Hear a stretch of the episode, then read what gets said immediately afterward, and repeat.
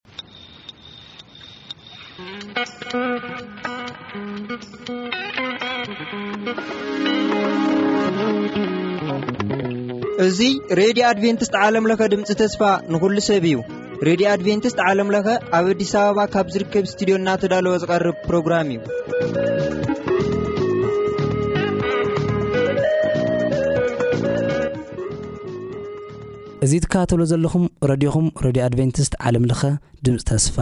ንኹሉ ሰብ እዩ። ሕዚ እቲ ናይ ህይወትና ቀንዲ ቁልፊ ዝኾነ ናይ ቃል እግዚኣብሔር ምዃኑ ኩላትኩም ኣይትዘንግዕዎን። እስቲ ብሓባር እነዳምጽ።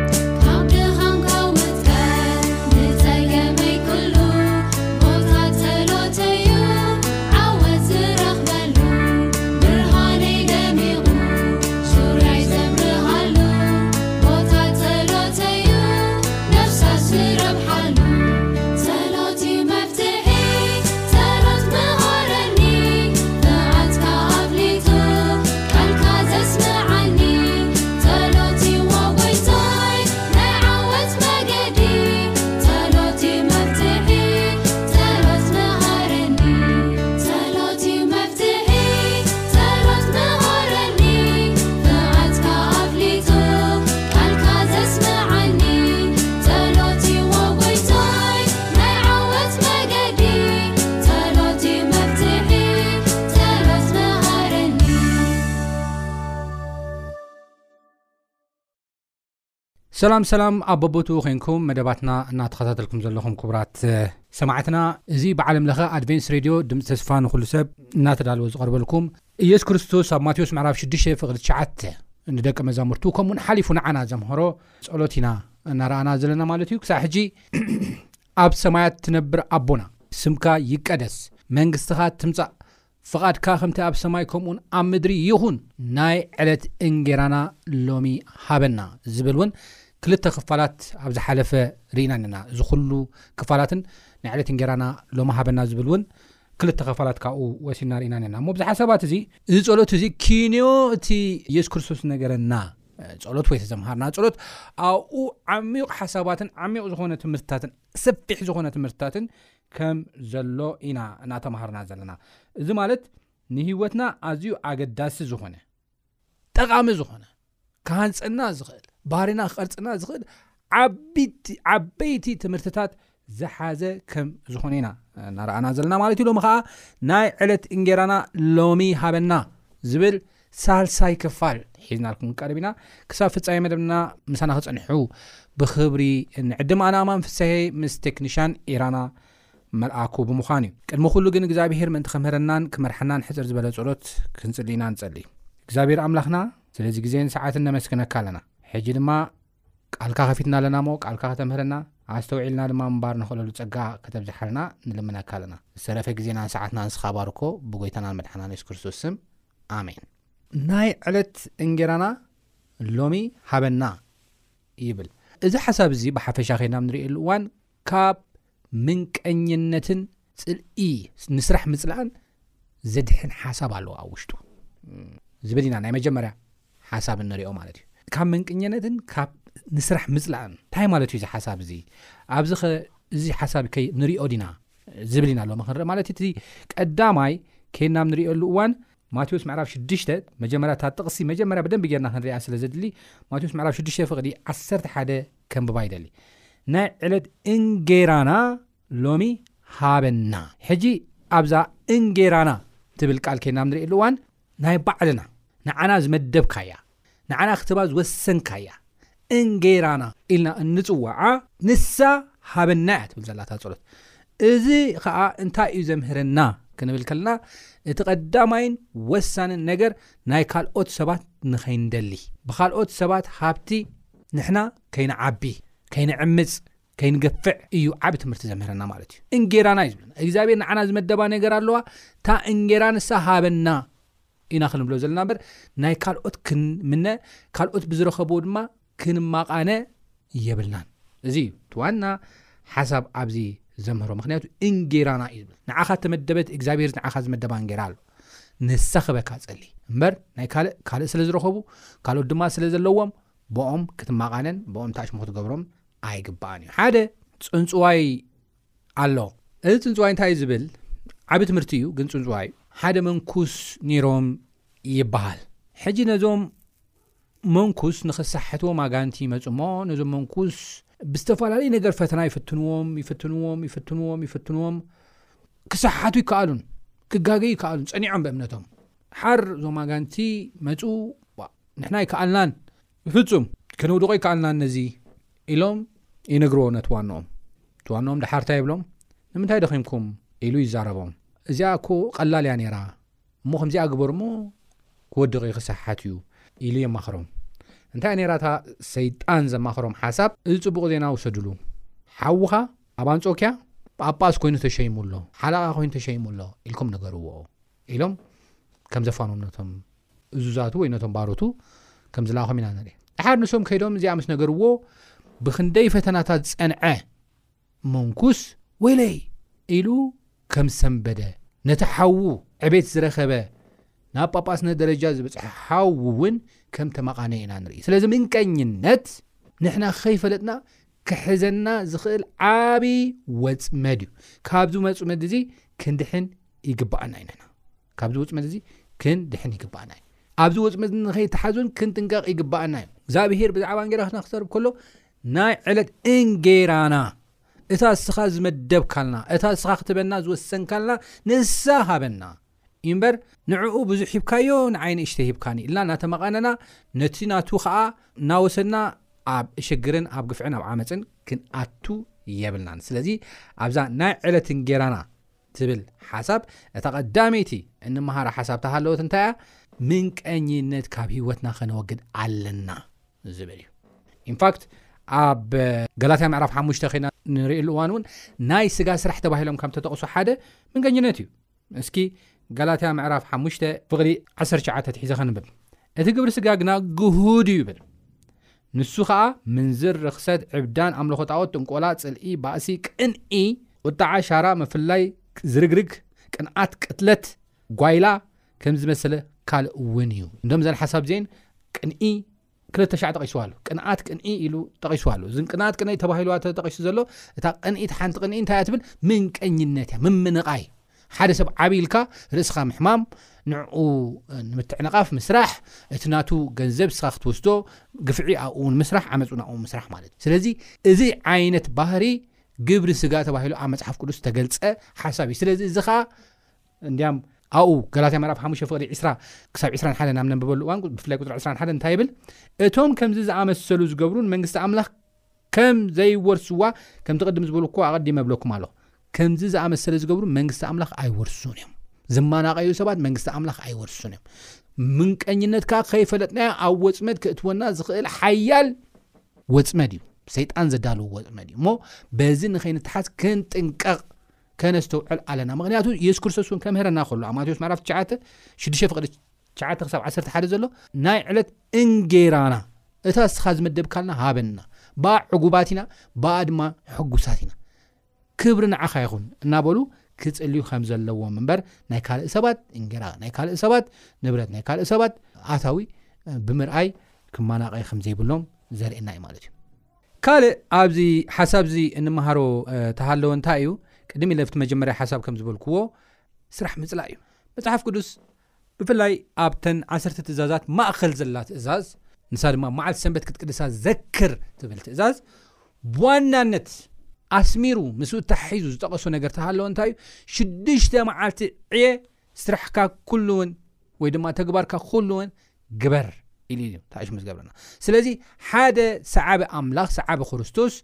ሽዱሽተ መዓልቲ ኢፌክቲቭሊ ብተኣማንነት ጉልበቱ ከይቆጠበ ብሓቂ ብቅንዕና ከገልግል ተግባሩ ኩሉ ከከናውን ከም ዘለዎ እዩ ዝዛረበና ማለት እዩ ነገር ግን ካብዚ ወፂና ስራሕ እንተ ንፀልእ ኮይና እዚ ፀሎት እዚ ከዓ ናብ ካልእ ዝመርሓና እንተ ደኣ ኮይኑ ክንጥንቀቕ ይግባኣና እዩ ማለት እዩ ምናልባት ሓድሓደ ግዜ ኣብዚ ማቴዎስ ዘለናዮ ሓሳብ ማቴዎስ ምዕራፍ ሽዱሽተ ፍቅዲ ዓሰርተ ሓደ ናይ ዕለት እንጌራና ሎሚ ሃበና ምስ በለ ኮፍ ኢልና ከበና ምንም ከይሰራሕና ምንም ከይገበርና ኣራጢጥና እቲ እንጀራ ንክህበና ጥራሕ ኣይኮነን እግዚኣብሄር ዝፅልዮ ዘሎ ኢንፋክት ናይ ዕለት እንጌራና ሃበና ኢልና እኳ ክንፅሊ ክንሓትት እግዚኣብሄር ይሓተና እዩ ኣትሊስት እዩ እዚ ብውሕዱ እኳ እየ ዝብለኩም ዘለኹ ካብዚ ብተወሳኺ ከዓ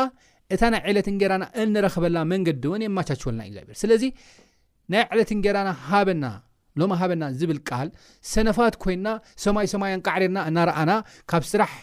ሰኒፍና ብዘይ ስራሕ ክንመላለስን ደቂስና ክንውዕልን ዘይኮነ ዘምህረናሲ ነገር ግን እግዚኣብሄር በቲ ዝሃበና ኣእምሮ ከምቲ ዝሃበና ሕጊ ሽዱሽተ መዓልቲ ዕየ ተግባርካ ኩሉ ግበር ካብ ሰሙን ማለት ካብ ሓደ ሰሙን ሽዱሽተ መዓልቲ ንዕዮ መዓልቲ ካብ እሁድ ክሳብ ዓርቢ ማለት እዩ መዓልቲ ሰንበት ግን ድሓር ዕረፍ ይብል ኢንፋክት መዓልቲ ሰንበት እውን ሰንበት ዝኸውን ናይ ዕረፍቲ መዓልቲ ዝኸውን ክንሰርሕ ከለና እዩ ሰንስ ንረኽበሉ ደስታ ንረኽበሉ ሓጎስ ንረኽበሉ እግዚኣብሄር እውን ብ ህይወትና ዝኸብር ንዑ እዩ ስለዚ ክንሰርሕ፣ ሰሪሕና ድማ ክንረክብ፣ ሰሪሕና ድማ ክንዓቢ እዩ እቲ ዋና ሓሳቡ። እምበር ከምቲ ሕጂ ደጋጊመ ዝብሎ ዘለኹ፣ ሕጂ እውን ደጊመ ክብሎ ዝደሊ፣ ናይ ዕለት እንጌራና ሎሚ ሃበና ክንብል ከለና፣ ኣንቃዕሪርና ጥራሕ ሰማይ ሰማይ እናረኣና፣ ኣንቃዕሪርና ጥራሕ ናይ ኢድ ሰብ እናረኣና፣ ተመጽወትቲ ኮይና፣ ድኻታት ኮይና ክንነብር ኣይኮነን። እዚ ጸሎት እዚ ጸልዩ ዝበለና ማለት እዩ። እዚ መጽሓፍ ቅዱስ ከይድና ክንርኢ ከለና ኣብ ካልኣይ ተሰሎንቄ ከምዚ ዓይነት ሰባት ከም ዝነበሩ ይዛረበና እዩ ካልኣይ ተሰሎንቄ ምዕራፍ ሰለስተ ፍቅዲ ዓሰርተ ክልተ ብካልእ ኣባህላ ስራሕ ትጸልኡ ሰነፋት ሰባት ማለት እዩ እንታይ ከም ዝበሎም ኣብዚ መጽሓፍ ቅዱስ ይዛረብ እዩ እንታይ ይብል ነዞም ከምዚኣቶም ዝመስሉ ብህድኣት ካብ ዓሰርተ ሓደ ከንብቤ ማለት ሓያለ ካባኻትኩም ብዘይ ስርዓት ከም ዝመላለሱ ዙረት እምበር ሓንቲ እኳ ከም ዘይዓዩ ንሰምዕ ኣሎና ይብል ዙረት ጥራሕ እምበር ካብቲ ሓደ ናብቲ ሓደ ወረ ናብ ምብፃሕ እምበር ሓንቲ እኳ ከምዘይ ዓዩ ንሰምዕ ኣለና ዩ ከምዚ ዓይነት ሰባት ነይሮም ሰነፋት ብዘይ ስራሕ ዝነብሩ ኣራጢጦኦም በቃ እንጀራ ዝተዋህቦም ኢንፋክት ገንዘብ ንክንረክብ እንጀራ ንክንረክብ ጥራሕ ኣይኮና ስራሕ ንሰርሕ ኢንፋክት ኣብዚ ሓደ ከስምረሉ ዝደሊ ነገር ስራሕ ጥዕና ንክንረክብ ንብዙሓት ሰባት እውን ኣብ ዝቕጽል ሓሳብና ክንርኢ ኢና። ንበረኸት ምእንቶ ንኽንከውን ኢና ንስራሕ ንሰርሕ። ስራሕ ንርእስና ኢልና ጥራሕ ንሰርሕ እንተ ኾይና፣ እታ እንጀራ ጥራሕ ንኽንረክብ ኢልና ንሰርሕ እንተ ኾይና፣ እታ ሃብቲ ክንረክብ ንርእስና ጥራሕ ኢልና ንሰርሕ እንተ ኾይና ዋጋ ይብሉ። ኪንዮ እዚ ግን እግዚኣብሄር ኣብ ስራሕ በረኸት ኣቐሚጡ እዩ። ማለት ካብቲ ገንዘብ ምርካብ፣ ሰሪሕካ ካብቲ ትዓብየሉ መንገዲ፣ ንላዕሊ ካልእ በረኸታት ኣቐሚጡ እዩ ኣብ ስራሕ ንዕኡ ኸኣ ሽዱሽተ መዓልቲ ዕየት ተግባርካውን ግበር ዝብል ቃል እግዚኣብሔር ንምንታይ ደይሰርሐ ሰብ ኣእምርኡ ኩሉ ብሰይጣን ሓደ ባህል ኣሎ ናይ እንግሊዝ ኣባህላ እንታይ እዩ ዝብል ኣን ኣይድል ማይንድ ኢዝ አ ደቭልስ ወርክሾፕ ኣን ኣይድል ማይንድ ኢዝ አ ደቭል ወርክሾፕ ክሓስብ ዘይክእል ኣይድል ዝኾነ ሰነፍ ዝኾነ ኣእምሮ ናይ ሰይጣን ኦፊስ እዩ ንበሎ ናይ ሰይጣን ኦፊስ እዩ ሰይጣን ዝዓየሉ ኦፊስ እዩ ንበሎ ቢሩ እዩ ናይ ሰይጣን ቢሩ እዩ ዝኸውን ተእምሮ ናይ ሰብ ማለት እዩ ደላሊ ሰሪሕ ኮይኑ ስለዚ ስራሕ ብካልእ ኣባህላ እግዚኣብሄር ካብ ናይ ሰይጣን ወፅመድ ክንርሕቀሉ እንኽእል ሓደ በረኸት እውን ኣቐሚጡ እዩ ማለት ስለዚ ስራሕ ብዙሕ በረኸት ብዙሕ በረኸት ኣቐሚጡ እዩ ኣብዚ በረኸት እዚ እንጀራ ጥራሕ ዘይኮነ ካልእ ጥራሕ ዘይኮነ ካብዚ ዝዓቢ ብዙሕ በረኸታት ስለ ዝቐመጠ ክንሰርሕ ይግባኣና እዩ ስለዚ ኣብ ካልኣይ ተሰሎንቄ እውን እንሪኦም ዘለና ሰባት ሓያሎ ሰባት ዙረት እምበር ሓንቲ እኳ ከም ዘይዓዩ ንሰምዕ ኣለና ይብል። እዚ ሓደጋ እዩ። እንጀራ ክህልዎም ይኽእል እዩ፣ ገንዘብ ናይ ገንዘብ ሽግር ከይህልዎም ይኽእል እዩ፣ ግን ኮፍ ኢሎም ምውዓሎም ዘይምዕዋያዮም ንባዕሉ ሓደጋ ስለ ዝኾነ ንዕኦም ከምዚ ኢሉ ከም ዝቐጸለ ኢና ንርኢ። ነዞም ከምዚኣቶም ዝመስሉ ብህድኣት እናዓየዩ እንጌራኦም ክበልዑ ብጎይታና ብየሱስ ክርስቶስ ንእዝዞምን ንምዕዶምን ኣለና። ትእዛዝ እዩ ዕየዩ ዝብል። ነገር ግማ እቲ ሕቡእ ኣቱም ኣሕዋትና ንስኻትኩም ግና ሰናይ ንምግባር እንታይ ትግበሩ ኣይትሰልክዩ ኢሉ ክመኽሮም ከሎ ኢና ንርኢ ስለዚ ትእዛዝ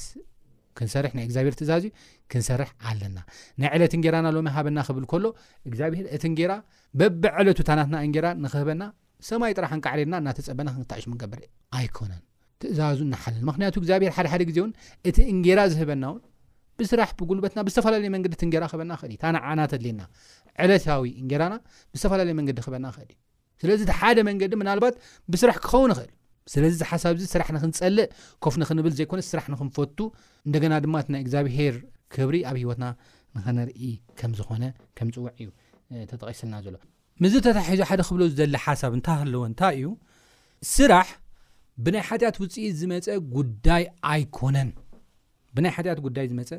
ኣይኮነን። ሓጢኣት ምስ ኣተወ ዝመፀ ነገር ኣይኮነን። እዚኣ ብደንቢ ከነስምረላ ይደሊ። ኣብዚኣ ክልተ ሓሳባት ክህብ እሞ ድሓረይ ሓሳባይ ክጠቓልል ይደሊ። ተቐዳማይ ብዙሓት ኣብ ማቴዎስ ኣብዚ ሕጂ ዝናዮ ዘለና ሓሳብ ማቴዎስ ምዕራፍ 6 ፍቕዲ 26 ጀሚርና ብ ነንብበሉ እዋን እንታይ ይብል ንዕዋፍ ሰማይ ተመልከቱ ናይ ሰማይ ኣቦኹም ደኣ ይምግበን እምበር፣ ኣይዘርኣ፣ ኣይዓጽዳ፣ ኣብ ማዕከውን ኣይእክባን እዩ።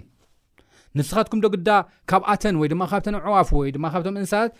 ብዙሕ ኣይትበልጹን? ካባኻትኩምከ ተጨኒቑ ኣብ ልዕሊ ቁመቱ ሓንቲ እመት ክውስኽ ዝኽእል መን ኣሎ? ከመይከ ብናይ ክዳን ትጭነቑ? ንዕምባባታት መሮር ከመይ ኢሎም ከም ዝዓብዩ ተመልከቱ፣ ኣይደኽሙ ኣይፈትሉ ይብል። ምስናይ እዚ ግን ሰለሙን እኳ በቲ ኩሉ ክብሩ ከም ሓደ ካባታቶም ዘይተኸነ እብለኩም ኣለኹ ይብል። ስለዚ ብዚ ሓሳብ እዚ ዘርእዮ ነገር ተሃለወ እቲ ቀዳማይ ኣይትጨነቑ እዩ እምበር ስራሕ ናይ ሓጢኣት ውፅኢት እዩ ኣይኮነን ዝብለና ዘሎ። እዚ ጥቕሲ እዚ ስራሕ ናይ ሓጢኣት ውፅኢት እዩ ወይ ድማ ብሓጢኣት ተታሒዙ ዝኣተወ እዩ ኢሉ ክዛረብ ኣይክእልን እዩ ምክንያቱ እግዚኣብሄር ኣብ ኤደነገነት እውን ኣብ ዘፍጥረት ምዕራፍ ክልተ ከድና ንሪእልዋን ምእንቲ ክዓያን ክሕልዋን ኣብ ኤደን ኣንብሮ እዩ ዝብል ክዓያን ክሕሏን ስለዚ ዕዮ ገና ኣዳም ኣብ ኤደነ ገነት ከሎ ገና ሓጢኣት ቅድሚ ምስርሖም ኣብ ኤደነ ገነት ዝገብርዎ ዝነበሩ ልሙድ ተግባሮም ከም ዝኾነ ንኣዳምን ሄዋንን እዩ ዘርእየና ማለት እዩ ምዕያይ ምሕላው ጥራሕ ኣይኮነን ናይ ምግዛእ ነቶም ኣብኡ ዝነበሩ ፍጥረታት ናይ ምግዛእ፣ ኮንትሮል ናይ ምግባር፣ ማኔጅ ናይ ምግባር፣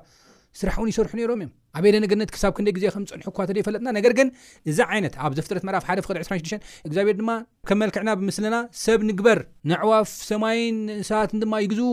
ኢሉ ክዛረብ ከሎ ኢና ንርኢ። ስለዚ ናይ ምግዛእ፣ ማኔጅ ናይ ምግባር፣ ናይ ምምሕድዳር ስራሕ፣ ስልጣን እውን ተዋሂቦም ከም ዝነበረ ኢና ንርኢ። ስለዚ ምዕያይ፣ ምሕላው፣ ምንክብኻብ፣ ማኔጅ ናይ ምግባር፣ ምትሕድዳር፣ ብምሉኡ ስልጣን ተዋሂቦም ከም ዝነበረ ኣብ ስራሕ እዚ ከኣ ቢዚ ከም ዝነበሩ ኢና ንርኢ ማለት እዩ ብጣዕሚ ዝገርም ሓሳብ እዩ እሞ ቅድሚ ሓጢኣት ተዋህበ እዩ እንታይ ደኣ እሞ ኣብዛ ማቴዎስ ምዕራፍ 6 ፍቅዲ 26 ደኣ እሞ እንታይ እዩ ዝብለና ዘሎ ንዝብል ሓሳብ ግን እቲ ዋና ሓሳብ ኣይትጨነቑ ዝብል ሓሳብ እናሃበ ከም ዘሎ እዩ ዝነግረና ኣይትጨነቑ ምጭናቕ ኣገዳሲ ኣይኮነን ንዕዋፍ ሰማይ ኣይጭነቃን እየን ኣበባ ኣይጭነቕን እዩ ግን ይሰርሕ እዩ ዕፉ እንተኾነ ዝሰርሕ እያ ከይዳ እታ ዝወደቐት ዘርኢ ኣብ ምልቃም ስራሕ ባዕላ ትሰርሕ እያ። ንደቃ ትዕንግል እያ ትሰርሕ። እሞ በዚ መልክዕ እዚ ተኣሽሙ ክንገብር ይግበኣና እዩ። ስራሕ ከነኽብር ይግበኣና እዩ። ስራሕ ድማ ክንሰርሕ ኣለና እዩ። ሕጂ እውን ደጊመ ክብሎ ዝደሊ ስራሕ ንዓና ንርእስና ክንዓቢ ኢኮኖሚካሊ ንክንዓቢ ፋይናንሻል ንክንዓቢ ክንልወጥ ክዳን ክንክደን ጥራሕ ኣይኮነን ነገር ግን እግዚኣብሄር ካብኡ ንላዕሊ ብዙሕ በረኸታት ኣቐሚጡ ኣሎ ሓደ ካብ ናይ ሰይጣን ወድመን እውን እንድሕነሉ እዩ ካብዚ ብተወሳኺ ከኣ ንኻልኦት ንብዙሓት ንበረኸት እንኾነሉ እዩሞ ስራሕ ንኽንፈቱ እዩ ዝገብረና ጸሎትዚ ናይ ዕለት እንጌራና ሎሚ ሃበና ክንብል ከለና ብደንቢ ስራሕ ንኽንፈቱ እታ እግዚኣብሄር ዝህበና እንጌራ ንኻልኦቱ ንበረኸትና ኮና ንኽንነብር ዘኽእል ወይ ድማ ዘምህር ሓሳብ ከም ዘለዎ ማቴዎስ ምዕራፍ 6 እዩ ዝነግረና ማለት እዩ ስለዚ ብሓፂሩ ኣብ ናይ ሎሚ ትምህርትና እንመሃሮ ናይ ዕለት እንጌራና ሎሚ ሃበና ኢልና ክንጽሊ ከለና እቲ ቀዳማይ ካብ ምንቀኝነት፣ ናይ ካልእ ሰብ ካብ ምድላይ፣ ካልእ ሰብ ብዝረኸቦ ርእስኻ ምሕማም፣ ካብ ከምዚ ዓይነት እግዚኣብሄር ዘይፈትዎም እሞ ኸኣ ሰማይ ከውርስና ዘይክእሉ ዕንቅፋት ክኾኑና ዝኽእሉ ንህይወትናን ንቤተሰብናን ዕንቅፋት ክኾኑና ዝኽእሉ ባህርያት ዝሕሉ እዩ። ምንያቱ የሱስ ክርስቶስ ከምህረና ከሎ ናይ ዕለት እንጌራና፣ እታ ንዓይ ዝመደብካያ፣ እታ እንጌራይ፣ ሃበና ክብል ከሎ ኢና ንርእዮ እሞ፣ በዚ መልክዕ እዚ ናይ ካልእ ሰብ ርኢና ከይንማናቐ የረድኣና ኢና ርኢና። እቲ ካልኣይ ሓሳብ ድማ ስራሕ ክንፈቱ እዩ። እምበረይ ናይ ዕለት እንጌራና ሃበና ኢልና ኮፍ ኢልና ስራሕ ጸሊኢና እናዞርና ልክዕ ከምዞም ኣብ ካልኣይ ተሰሎንቄ ምዕራፍ ሰለስተ ፍቕዲ ዓሰርተ ክልተ ዝረኣናዮም ከምኦም ክንከውን ኣይኮነን ስራሕ ክቡር እዩ እንድያም ናይ ዕለት እንጌራና ሎሚ ሃበና ዝብል ስራሕ ክንፈቱ ኣብ ስራሕ ብዙሕ በረከት ከም ዘሎ ተረዲእና ክንሰርሕን ክንዓይን እዩ ዘባራትዓና እሞ እዚ ክንገብር እግዚኣብሄር ፀጉኡ የብዝሓልና ኣብ ዝቅፅል ናይዚ መቀፀልታ ሒዘልኩም ክቀርብ እየ ክሳብ ዝቅፅል ጎይታ ይባርኩም